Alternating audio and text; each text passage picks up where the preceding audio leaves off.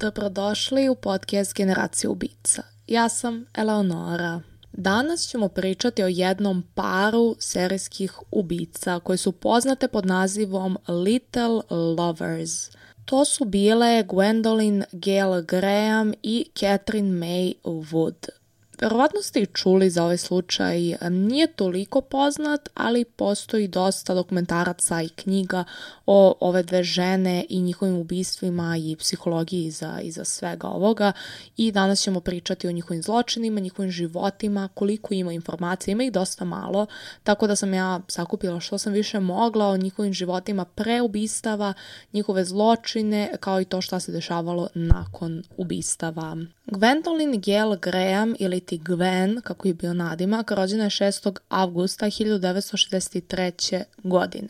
Rođena je u Kaliforniji, ali je odrasla u Tyleru, Teksasu. Bila je tiha, puna poštovanja prema svojim učiteljima, nastavnicima, profesorima i ljudi koji su je poznavali kažu da je uvek imala tužan izraz na licu. Kasnije je tvrdila kako je tu njenu tugu izazvalo seksualno zlostavljanje njenog oca. Tu optužbu koju on negira nikada nije bila dokazana na sudu niti od ljudi iz um, Gveninog života. Tako da ne znam koliko je to tačno i koliko je ona stvarno doživala zlostavljanje od strane svog oca. Ja sam uvek osoba koja veruje žrtvi, tako da bi bila uvek na strani žrtve, ali u ovom slučaju ne bih baš Gwen nazvala žrtvom zbog svega što će kasnije raditi. Preselila se u Michigan 86. godine i pronašla je posao kao medicinska sestra u staračkom domu Alpine Manor u Walkeru, predgrađu Grand Rapidsa. Gwen je tada imala 22 godine. U to vreme žena po imenu Cathy Wood joj je bila nadzornik i sama Cathy je prolazila kroz jedan jako težak period. Bila je u braku još kao tinejdžerka, brak nije bio baš najbolji, imala je jako težak period razmišljanja o tome da li želi da se razvede ili ne. Većina ljudi koji su poznavali Keti rekli su da je razvod bio prijateljski i da je ona ostala prijatelj sa svojim bivšim mužem. I takođe kažu da je na odluku o razvodu uticalo Ketino novo prijateljstvo sa Gwen. Znači njih dve su postale jako bliske prijateljice i to prijateljstvo je čak uticalo na Ketin razvod. Njen brak se nakon sedam godina raspao i Ostavio je samu bez prijatelja u Gran Rapicu i to je izazvalo naglo gojenje. Ona se ugojela, imala je preko 200 kilograma Znači, bila je nenormalno zna i to je već pravilo probleme oko funkcionisanja, kretanja i svega ostalog. To prijateljstvo Cathy Gwen se vremenom pretvorilo u aferu.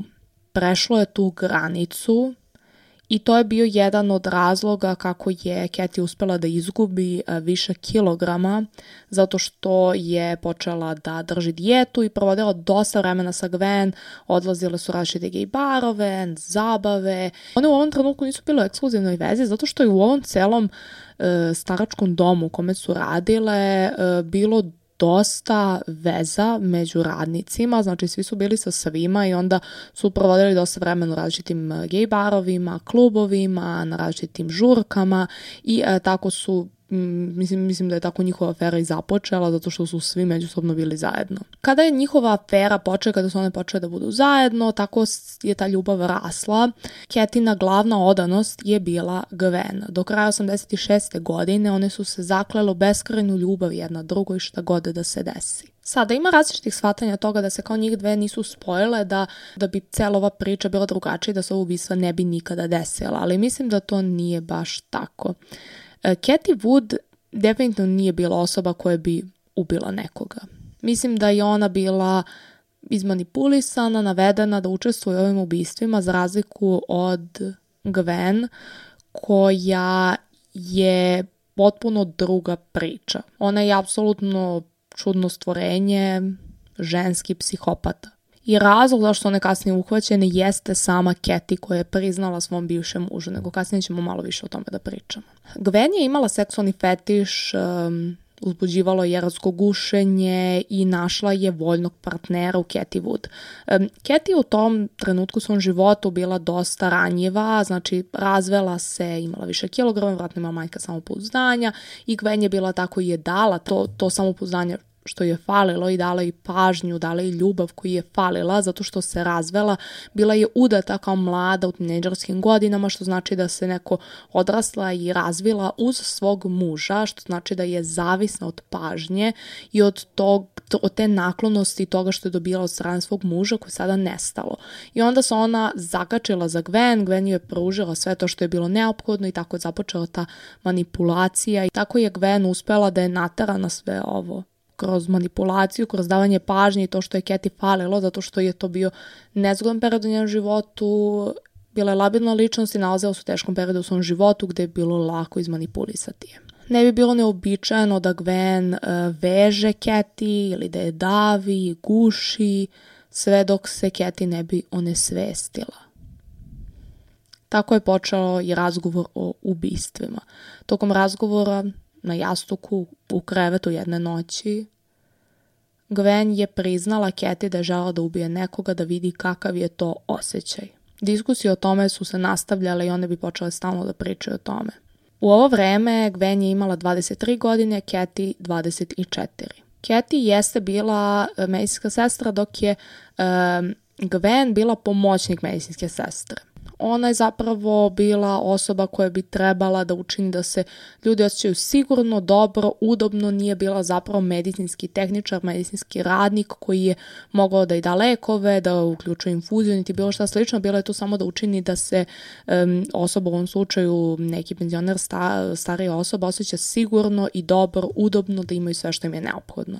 Mislim da Keti i te njihove razgovore u ubistvu nikada nije shvatala dovoljno ozbiljno dok se ubistvo zapravo nije desilo. Ipak vremenom e, povezani bol i zadovoljstvo njihovih seksualnih igara postali su potkani idejom otkrutnosti. Samo razgovor o ubistvu bi ih obe uzbudio. Sama Keti je postepeno naučila da boli i zadovoljstvo mogu biti druga strana istog uzbudljivog novčića. Ubistva u Alpine Manoru obuhvatali su tromesečni period od januara do početka aprila 87. godine. Koji je bila igra ubistva? Gwen je smislila igru ubistva i ono što su one želele jeste da speluju ime ubistvo koristeći imena svojih žrtava. To jest ubistvo na engleskom, ali želeli su da speluju reč na engleskom ubistvo imenima svojih žrtava. Znači prvo slovo njihove žrtve bi bilo slovo u reči ubistvo. Prvi plan je bio da nezmenično guše svoje starije pacijentkinje. Razgovaralo su o tome da idu po abecednom redu, odlučila da bi to bilo sumnjivo. Pa su odlučili da ih ubiju kako bi inicijali prezimena njihovih žrtava ispisali reč ubistvo. Kao e, Gwenov supervizor ne bi bilo neobično da ona pazi na Gwen koja brine o pacijentima, a Keti bi bila odrađena kao čuvar dok je e, Gwen činila stvarno ubistva. Znači Gwen bi ubijala dok bi Keti nju nadgledala ili držala stražu. Na veliko iznenađenje Gwendolyn Graham stare žene su borci. Prvih par koje je pokušavala da uguši su se branile. Želele su da žive. Najmanje jedna pacijentkinja je uložila pritužbu i ona je odbačena jer je pacijentkinja delimično spavala i mogla da pogrešno razume ili pogrešno se seća ono što je Gwen radila u njenoj sobi tokom noći.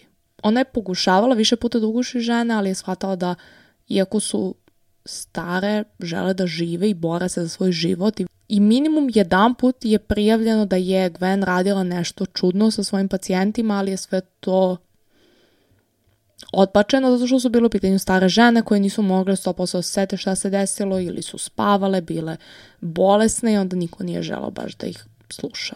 Uprkos njenim neuspešnim naporima nije bilo nikakvih pritužbi koje su zapravo istražene, da tako kažem. I Katie i Gwen su zaradile primerne izveštaje svojih pretpostavljenih i bile su veoma dragi, drage pacijentima na odeljenju. Gwen je odlučila da će u budućnosti birati samo žene koje su predale kotiša za samoodbranu. Znači birale bi žene koje ne mogu da se odbrane. Tada je Gwen ušla u sobu žena odbolele od Alzheimerove bolesti koje nije mogla da se izbori sa njom. žena po imenu Margaret Chambers koja imala 60 godina. Ugušila je Margaret krpom, u nedeljama koje su sledile prešla na drugu, zatim na sledeću i bilo je trenutaka kada je čin ubisa toliko uzbudio da bi one i Keti otišle u susednu sobu koja je bila prazna kako bi mogle da budu zajedno. Gwen je u ubistvu pronašla ogromno emocionalno oslobođenje. Prale bi tela kao delo kao deo obdukcije i to bi postalo još uzbudljivije. Gwen bi bila ta koja bi ubijala, dok bi Keti bila stražar. Stajala bi ispred i posmatrala šta se dešava i kako bi mogla da odvrati bilo koga ko bi možda pošao u tu sobu. Stajala bi na mestu gde bi mogla da posmatra ubistvo, ali u isto vreme da e, drže stražu. Imena njihovih žrtava su May Mason koja imala 79 godina, Edith Cook koja imala 98, Myrtle Lace koja imala 95 i Bella Burger koja imala 74 i prva koju sam pomenala Margaret Chambers koja imala 60 godina. U ta tri meseca koliko je trajalo ovo ubijanje, Gwen je ubila pet pacijenata Alpine Manora, Mnoge žrtve čije se starost kretalo 65 do 97 godina bile su onesposobljene i bolovale su od Alzheimerove bolesti. Katie je svedočila da je par pretvorio odabir žrtava u igru, prvo pokušavajući da odaberu svoje žrtve po njihovim inicijalima, kao što sam rekla, želeći da speluju reč ubistvo ili ti M, U, R, D, E, R. Ali, s obzirom da to nije funkcionisalo, bukvalno samo to radili za prvu žrtvu, Posle toga su počele da računaju svoje ubistva kao dan u rečenici voleću te zauvek i jedan dan. Kada bi ubile dve žrtve, rekla bi voleću te zauvek i dva dana, voleću te zauvek i tri dana, četiri, konačno voleću te zauvek i pet dana za svoju petu žrtvu. Nažalost, četiri smrti u staračkom domu, čak i u uzastopnim mesecima nije veliki porast u statistici smrtnosti i prošlo je nezapaženo. Posebno imajući u vidu da su njene žrtve bile dosta stare, da su bile bolesne. Katie se čak plašila nakon smrti njihove prve žrtve Margaret Chambers, izbagavala je da bude sama u kući u vreme smrti, s obzirom da se plašila da će je Margaret proganjati bila je uplašena i ovo bi igralo ulogu u padu ovog para Little Loversa. Pored svega što su e, Gwen i Katie radile svojim žrtvama i svim užasnim stvarima e, koji su ih e, uzbuđivale, Gwen je takođe volala da drži suvenire, narokvice, maramice, proteze, nešto što bi je podsjetilo na njenu žrtvu. One su postale toliko smele da su čak počele da pričaju svojim koleginicama i kolegama i staračkog doma o tome šta rade. Čak su priznanje doprinele njihovom pojačanom seksualnom nagonu, međutim sve njihove priče su odbačene kao bolesne šale, niko im nije verovao. Pesmu koju je Katie uputila Gwen i predstavila na suđenju zaključila je Bićeš moja zauvek i pet dana. Katie je takođe svedočila da je Gwen uzela suvenir od žrtava, čuvajući ih da ponovo proživi svako ubistvo. Međutim, policija nikada nije otkrila ove suvenire, Katie je takođe prikazala Gwen kao seksualno, fizički i emocionalno dominantni u njihovoj vezi. Najmanje tri medicinske sestre su videle policu sa suvenirima u kući koju su Katie i Gwen delile u to vreme. Niko to nije ozbiljno shvatio, svi su mislili da su to šale. Niko nije stvarno poverovao da su one ubile nekoga. I niko nije prijavio to šta se dešava. Do aprila 87. godine njihov honeymoon phase ili ti kao faza medenog meseca je završena zato što je Katie odbijala da lično ubije nekoga. To je ono što je Gwen zahtevala, jeste da Katie ubije nekoga što ona nije želela. Gwen je zahtevala da Katie ubije nekoga kako bi dokazala svoju ljubav, što je ona odbijena. Katie je bila srećna zato što su u tom trenutku prebacili u drugu smenu, ali to je značilo da ona i Gwen nisu provodile puno vremena zajedno u ovo vreme. I to vreme koje nije provodila sa Katie, Gwen je provela sa Heather Barrager, još jednom ženom koja je bila lesbejka gej u njihovom staračkom domu. Gwen joj se na kraju pridružila na putu kuću u Teksas i ostavila Katie na cedilu što je veliki razlog zašto je uopšte otkriveno da su one serijski ubice. Ljudi, muškarci i žene koji iskorišćavaju ugrožene pacijente da ishrane svoje potrebe su na neki način izopačeni. Oni prko se društvenom kodeksu poverenja i neki od njih su očigledno sadistički. Bilo to zato što im je nekada učinjeno nešto strašno ili zato što su sami morali da se osjećaju moćnijim, svuda teraju ljude da budu oprezni, poveravajući se zdravstvenom sistemu.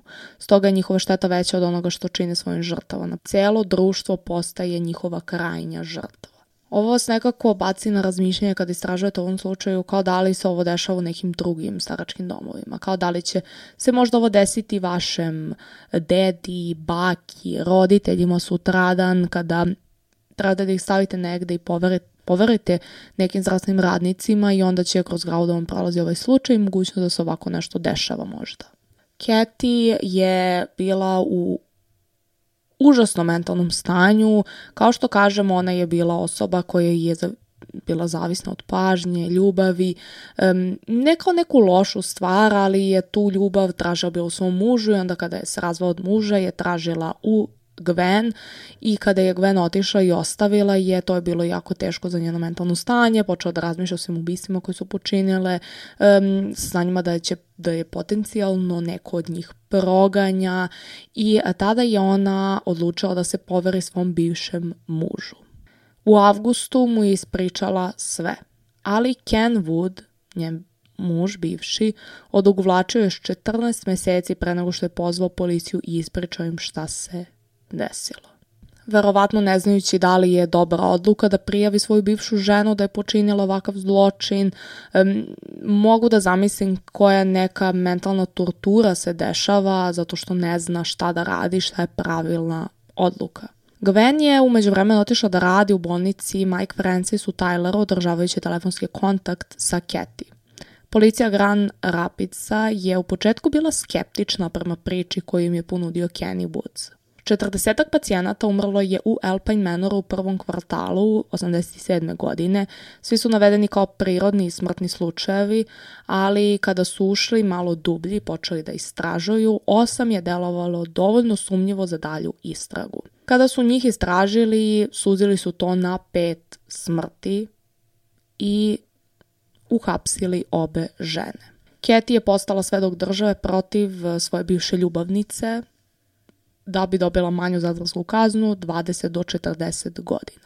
Već sam vam i ispričala ko su žrtvali da ponovim ponovo. Margaret Chambers, Edith Cook, Myrtle Lace, May Mason i Belle Burker. Nijukom slučaju nije bilo naučnih forenzičkih dokaza u ubistvu, ali izjava Kena Woodsa i druga razmišljenja zaposlenih koji su rade u staračkom domu bili su dovoljni da se iznese slučaj i plus e, činjenica da je Kathy bila spremna da svedoči protiv Gwen je bilo dovoljno.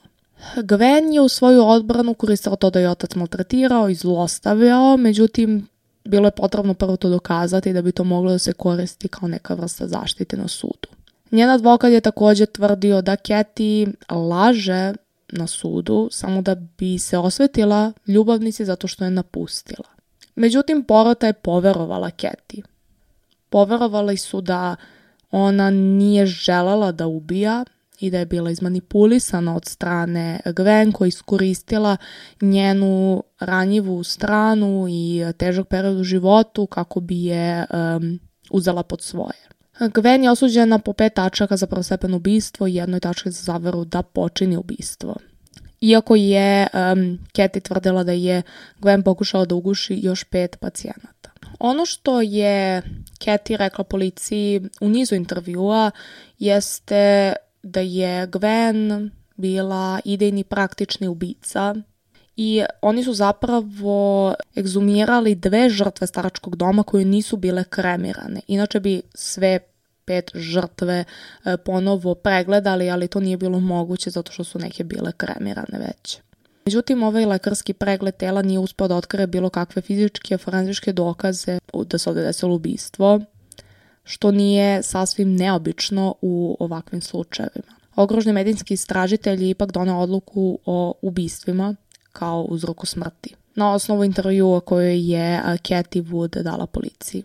3. novembra 89. godine Gwen Graham je dobila pet doživotnih kazni. Smeštana je u popravni, popravnoj ustanovi za žene Huron Valley u gradu Pittsfield, četvrt u Michiganu.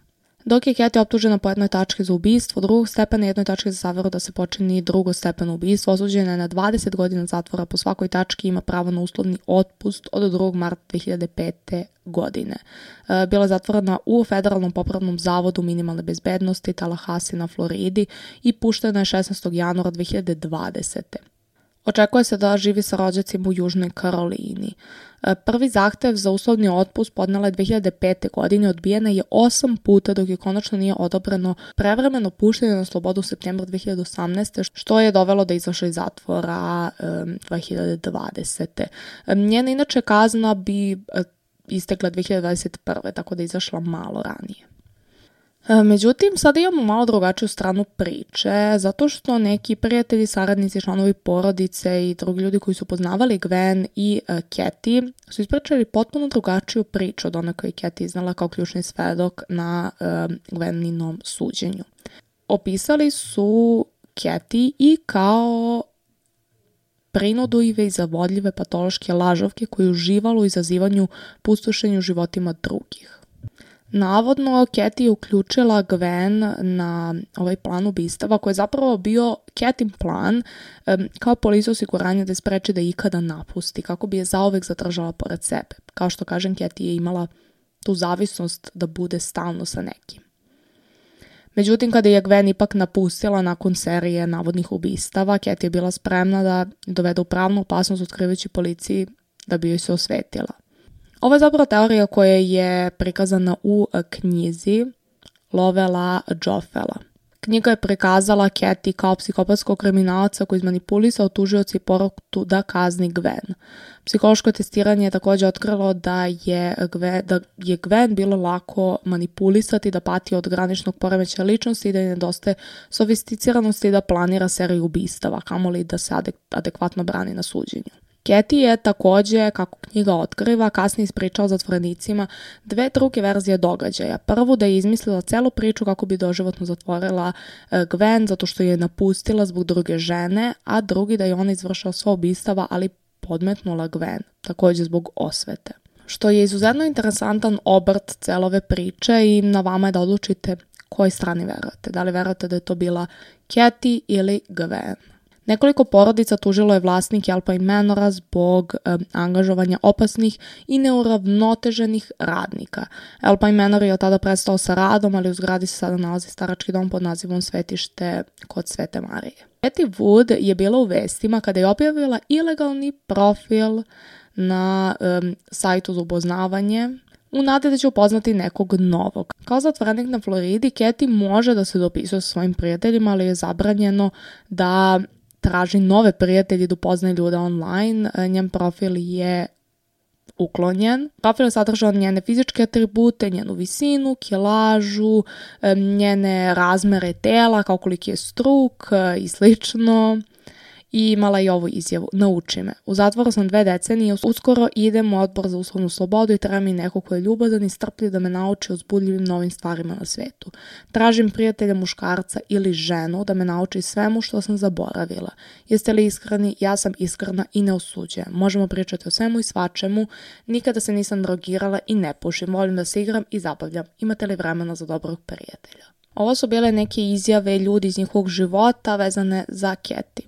Kao pomoćnik medicinske sestre, Keti je bila jedna od ljudi koji su mogli i trebali da ugode ovim ženama u njihovim slabim godinama. Umesto toga pomogle su u nanošenju terora i smrti.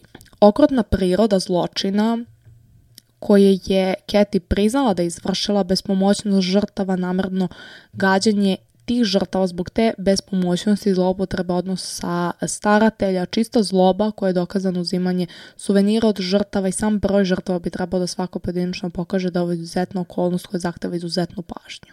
Međutim, pored svih ljudi koji su želeli i borili se za to da Keti ostane u zatvoru, um, ona je imala etiketu uzornog zatvorenika, i tvrdili su da postoji razumna garancija da ona neće postati pretnja društvu ili javnoj bezbednosti.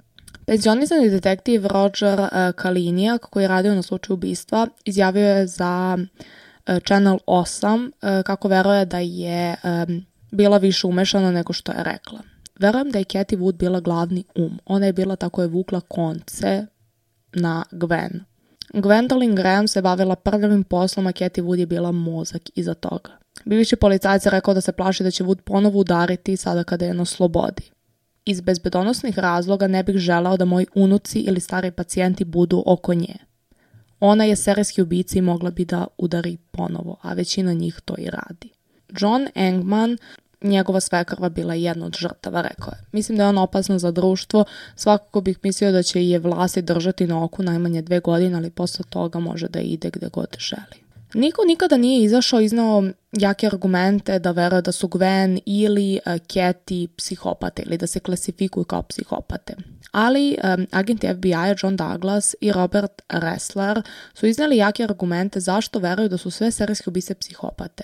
Iako um, mislim da su većina serijskih ubica psihopate, ali ne baš svi, sve serijske ubice imaju neki težak mentalni problem, neku mentalnu bolest i psihopatije među njima sigurno. Postoji sada nešto što bi moglo da se poklopi sa e, priče, barem sa pričom Gwen, koja je tvrdila da je otac e, seksualno zlostavljao. Um, nije bilo dokaza i on je to poricao sve do svoje smrti. Um, seksualno zlostavljanje dece obično razvije neki oblik poremećaja ličnosti, psihopatiju, sociopatiju, granični poremećaj ličnosti, narcisoidni poremećaj ličnosti, šizofreni poremećaj ličnosti. Takođe je, nažalost, veoma običajno da ljudi sa psihopatijom iznose lažne optužbe za seksualno zlostavljanje u detinstvu ili čak kako stare i odrastaju. To je tehnika manipulacije kontrole koju psihopate koriste protiv svojih žrtava. Šta više činjenica da Gwen i Wood um, nisu bila u vezi čak ni godinu dana pre nego što je uh, Gwen priznala da ima fantaziju o ubistvu, moglo je biti pokazatelj da te njene ubistvene nagone više nije mogla da ignoriše. Takođe je interesantno primetiti da je Katie Wood imala neke slične odgovore na Gwen kao i neki drugi partnere serijskih ubica. Želju da udovolji svom partneru van razuma. Podložna uh, ličnost i egu svog partnera i nabacivanje nakon uh, završetka veze. I kao većina ženskih partnera muških serijskih ubica, one ne pokazuju snažno psihopatske osobine ličnosti. Postoje serijske ubice u parovi koji su uživale da pomažu svojim muškim partnerima da muče, seksualno zlostavljaju i ubijaju svoje žrtve, dok imate isto žene koje nisu uživale u tome um, i verovatno ne bi postale serijske ubice ili ubice uopšte da nisu bile romantično povezane sa ovim dominantnim psihopatskim muškaracima. Mislim da je to dosta slično u ovom slučaju. S obzirom da e, je Gwen bila ta koja je pokazivala više znake psihopatije nego Cathy i moguće je da je Cathy, kao što kažem, e, bila zavisna od ljubavi i pažnji, želela da bude sa Gwen i njihova veza je trala jako kratko kada su počeli sa ovim ubijenjem, što znači da je možda Katie bila mastermind iza svega ovoga, ali da je zapravo ona želala da udovolji Gwen. Gwen je želala da ubija, a Katie je želala da i udostoji to, da joj ostvari tu želju i da ih pomogne da se to desi, jer Gwen sama nije mogla da, da smisli ovo, jer kao što em, kažu, nakon pregleda njenog psihičkog stanja, da ona prosto nije mogla da smisli takav plan, nije mogla tako nešto da zamisli i osmisli i obavi em, i da je vratno Keti to sve smislila. I očigledno je Keti znala kako da se odbrani i da očisti svoje ime i da provede manje godine u zatvoru nego Gwen koji dan danas u zatvoru. Priča o njima pojavljaju se u različitim knjigama, e, serijama i e, ima ih svuda.